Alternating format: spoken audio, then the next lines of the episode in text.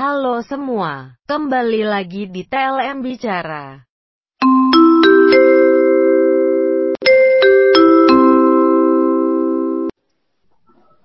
Halo semuanya, kembali lagi di podcast TLM Bicara. Salam kenal, perkenalkan nama saya Altami beserta rekan saya. Saya Muhammad Zaki Mulia. Sebelumnya, terima kasih sudah selalu mendengarkan podcast kami. Podcast ini merupakan serangkaian dari podcast perkenalan dari Hima TLM Poltekkes Kemenkes Bandung. Di podcast episode sebelumnya, kita udah ngobrol-ngobrol dengan bidang inti, pendidikan, olahraga, kesejahteraan mahasiswa, rohani, dan media kreasi dan seni. Nah, untuk episode terakhir kali ini, kita bakal ngobrol-ngobrol dengan bidang hubungan masyarakat sosial politik. Sebelumnya, perkenalan dulu yuk sama teteh-teteh dari bidang humas sospol. Hai semuanya, kenalin aku Devi Amalia, uh, koor dari bidang humas sospol. Halo, saya Sania Syifa, anggota bidang humas sospol. Uh, nih teh ada pertanyaan, uh, bidang humas sospol itu apa sih teh? Kalau humas sospol dilihat nama dari namanya sendiri kan humas itu hubungan masyarakat. Nah, jadi kalau misalnya ada kegiatan-kegiatan yang berhubungan dengan masyarakat e, dari bidang gitu ya e, bidang kita ini yang pertama turun gitu maksudnya.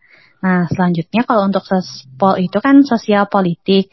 Nah, jadi kita itu lebih kayak ngebahas isu-isu dari e, sosial dan politik supaya e, mahasiswa juga e, tidak hanya tahu mengenai bidang kita nih kesehatan, tapi bisa mengetahui juga mengenai sosial dan politik. Wah, menarik kali nih Teh ternyata di Humas Sospol ini kita bisa langsung berkenalan dengan masyarakat dengan cara terjun langsung gitu ya ke masyarakat berarti intinya. Nah terus kira-kira setelah penjelasan yang tadi Teteh kasih nih, apa sih peran dari bidang Humas Sospol itu sendiri? Nah, kalau peran Humas Sospol di kampus ini sendiri, jadi kita itu sebagai penghubung antara dari eksternal ke jurusan TLM ini sendiri. Eh, contohnya teh mungkin boleh disebutin teh? Nah, kalau contohnya uh, seperti kemarin saat ada di Natalis Poltekkes itu dari uh, pusat meminta untuk mengadakan uh, bakti sosial atau pemeriksaan kesehatan bagi seluruh sivitas. Nah, itu uh, diserahkan kepada kami gitu kepada bidang sospol untuk menjadi penanggung jawabnya. Jadi menja uh, kami yang mengkoordinatori kegiatan tersebut gitu.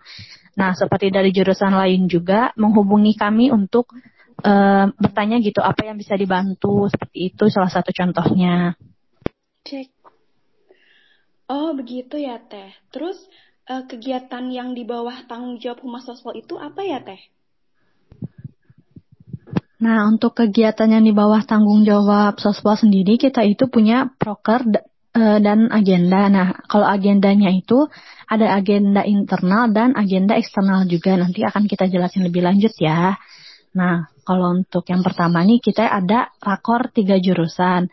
Nah, jadi rakor tiga jurusan ini, uh, jurusan yang terlibatnya adalah analis kesehatan atau TLM, gizi, dan Kesling. Nah itu uh, kenapa kita hanya melibatkan tiga jurusan itu karena tiga jurusan ini uh, berada di Gunung Batu gitu. Jadi kita uh, berada di kesatuan gitu di Gunung Batu. Kan kalau jurusan lainnya terpisah ya. Nah selanjutnya kita juga ada baksos tiga jurusan. Nah baksos ini juga kepanitiaannya tiga jurusan yang ada di Gunung Batu ini. Tapi kita juga melibatkan jurusan lainnya gitu untuk pelaksanaannya baksosnya itu kita mengundang juga seperti dari perawat dan jurusan lainnya. Nah, selanjutnya yang ketiga itu ada donor darah. Nah, kalau untuk donor darah ini kita bekerja sama dengan uh, eh, PMI atau dengan uh, rumah sakit yang memiliki uh, unit uh, unit unit transfusi darah. Nah, terus kalau untuk yang empat itu ada uh, Hari Kesehatan Nasional. Jadi ini tuh berupa peringatan Hari Kesehatan Nasional. Boleh dilanjutin Teh Sania? Nah, selanjutnya ada studi banding.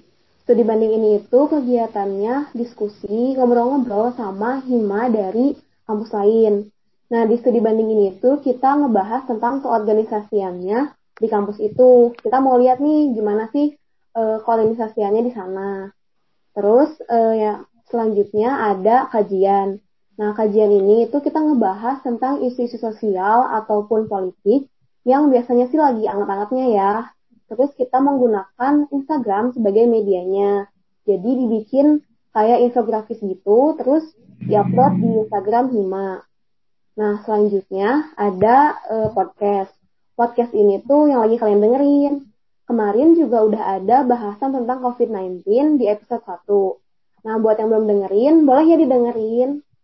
Terus ada juga uh, kerjasama sama BEM, yaitu acaranya itu Bina Desa. Nah, Bina Desa ini itu kegiatannya uh, pengabdian kepada masyarakat uh, yang ada di eh, pengabdian kepada masyarakat desa yang membutuhkan. Terus kemarin juga uh, terakhir kita diundang sama Poltekkos untuk uh, bantu di acaranya mereka, yaitu kita ngecek kesehatan di salah satu acara OKM-nya di kampus itu. Gitu, Kang Teh.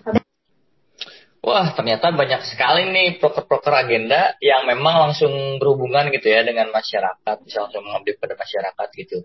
Tapi teh, uh, kalau misalnya tadi kan tadi udah ngejelasin nih proker dan agendanya yang memang benar-benar kayak kelihatannya kita tuh harus bisa public punya punya skill public speaking yang bagus sama apa skill skill buat ke politik gitu jago politik lah Kira-kira kalau misalnya kita mau masuk bidang sosial itu harus punya kedua kemampuan itu enggak sih?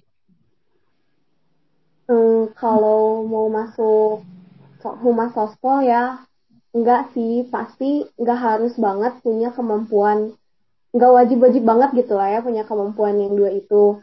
Pastinya sih uh, asalkan uh, niat terus punya keinginan gitu. Soalnya nanti juga kita bakal uh, belajar bareng-bareng bakal pokoknya tanya-tanya gitu gimana sih caranya gini gini gini gini gitu. Nanti kita bakal berkembang bareng-bareng di sini gitu. Ya nggak teh? Boleh teh lanjut dilengkapin nah ya benar banget melengkapi ya jadi kita tuh benar-benar nggak wajib tuh punya kemampuan uh, yang tadi seperti jago uh, politik atau uh, mempunyai public speaking yang bagus asal kalian udah niat saat kalian ada di sosbol dan mengikuti kegiatan-kegiatannya pasti kalian juga akan terlatih gitu, akan terlatih sendiri untuk dapat uh, untuk memiliki public speaking yang lebih baik lagi gitu. Itu paling teh.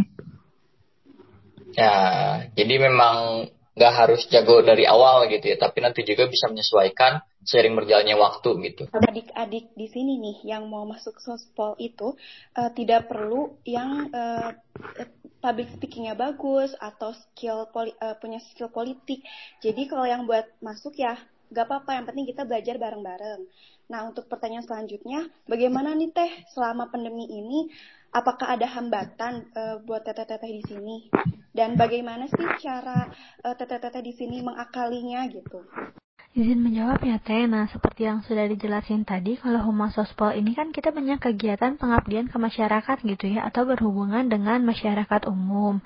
Nah jelas pandemi ini sangat mempengaruhi kegiatan-kegiatan kami Nah, seperti yang tadi sudah disebutkan ya, yang pertama itu ada uh, baksos tiga jurusan. Nah, namanya juga bakti sosial, kita kan pasti uh, terjun ke masyarakat gitu ya. Nah, dengan kondisi pandemi ini jelas itu tidak bisa dilaksanakan gitu. Nah, jadi solusinya kita mengubah kegiatan ini dengan tujuannya itu tidak mengumpulkan banyak masa Selanjutnya yang ada donor darah. Nah, kalau untuk donor darah, kita mengubah kegiatannya dari yang awal kita melaksanakan donor darah di kampus menjadi hanya men-share info di Instagram mengenai tempat-tempat yang bisa didatangi untuk donor darah seperti PMI atau rumah sakit yang memiliki UTD atau unit transfusi darah. Nah, selanjutnya yang ketiga ada HKN atau peringatan Hari Kesehatan Nasional. Nah, biasanya eh, salah satu kegiatan di peringatan HKN ini ada bakti sosial dengan sasarannya itu masyarakat sekitar Gunung Batu. Namun sepertinya karena ini tidak bisa terlaksana, jadi kami mengubahnya menjadi uh, peringatan HKN ini hanya di media media sosial gitu. Nah, kalau buat studi banding, nah studi banding juga kan belum terlaksana ya gara-gara adanya pandemi. Nah, jadi rencananya buat sekarang itu kita bakal dilaksanain secara online. Terus kalau untuk kajian, kajian itu uh, sebenarnya masih bisa nyatu juga sama podcast gitu. Jadi kita ngakalinnya pakai podcast juga. Terus kalau Bina Desa, Bina Desa ini masih terlaksana ya Teh. Cuman uh, emang ada keterbatasan lah gitu di jumlah peserta pesertanya gitu. Hebat sih ya bidang humas sospol jadi bisa mengakali berbagai macam kendala yang ada di pada apa masa pandemi ini gitu. Nah, terus mungkin teh ada apa ya punya pendapat sendiri nggak gitu? Kenapa sih kita tuh harus masuk hima gitu, terutama di bidang humas sospol gitu? Kenapa kita harus masuk hima? Pasti nih ya, eh, banyak banget keuntungannya kita masuk sini tuh. Yang pertama, kita bakal banyak eh, nambah-nambah temen gitu. Soalnya kan sama kakak tingkat juga.